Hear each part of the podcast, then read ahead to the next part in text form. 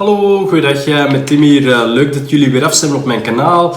Eh, vandaag wil ik het eh, met jullie eventjes hebben over automated market makers en wat dat, dat juist inhoudt.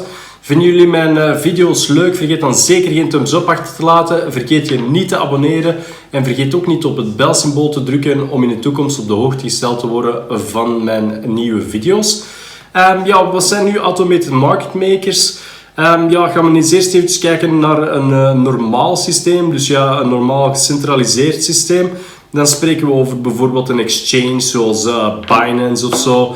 Of uh, Bitfavo of weet ik veel welke exchange.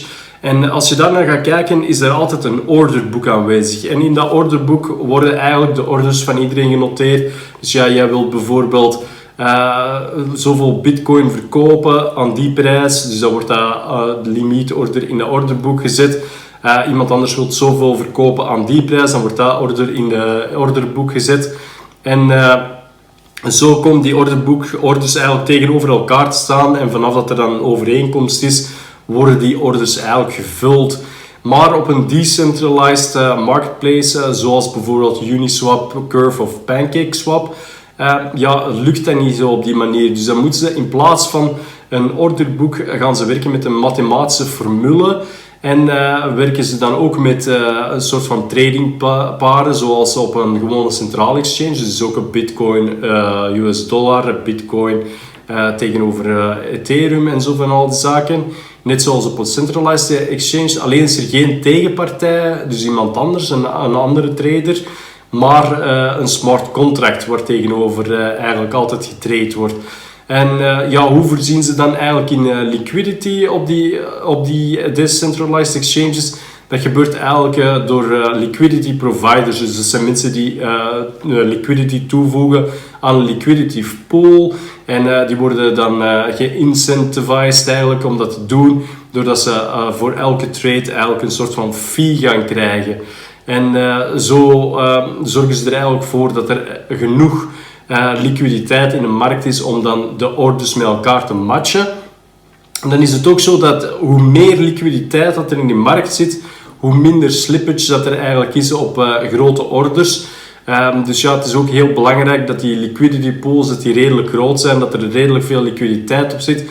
Als je dan bijvoorbeeld, ja, als iemand met een heel groot order komt, uh, dan wordt dat eigenlijk goed genoeg gevuld, zodanig dat er niet, niet veel slippertjes. Want in die liquidity pools zit eigenlijk bijvoorbeeld, uh, als er een currency pair is, bitcoin tegenover uh, US dollar, dan zit er 50% bitcoin in, 50% US dollar. En als die US dollar afneemt, tegenover de bitcoin, dan wordt, wordt er een prijsdifference doorgerekend, welke dat eigenlijk een soort van slippertjes en eh, hoe minder liquiditeit dat er eigenlijk is en hoe groter orders dat er worden gezet, wordt die slippage altijd groter en groter.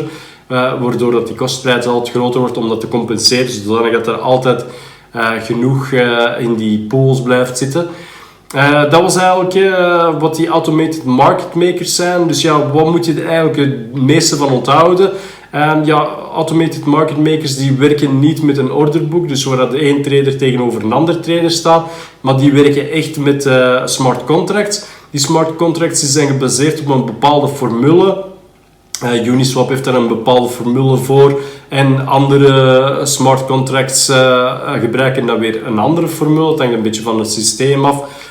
welke formule dat ze gebruiken.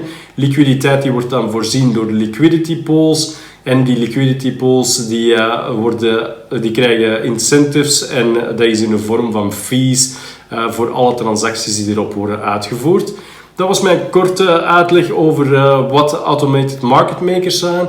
Vonden jullie deze korte uitleg leuk? vergeet dan zeker geen thumbs up achter te laten. Vergeet je niet te abonneren en vergeet ook niet op het belsymbool te drukken om in de toekomst op de hoogte gesteld te worden van nieuwe video's. En dan hoop ik jullie terug te zien in een van mijn volgende video's. Prettige dag nog. Dag.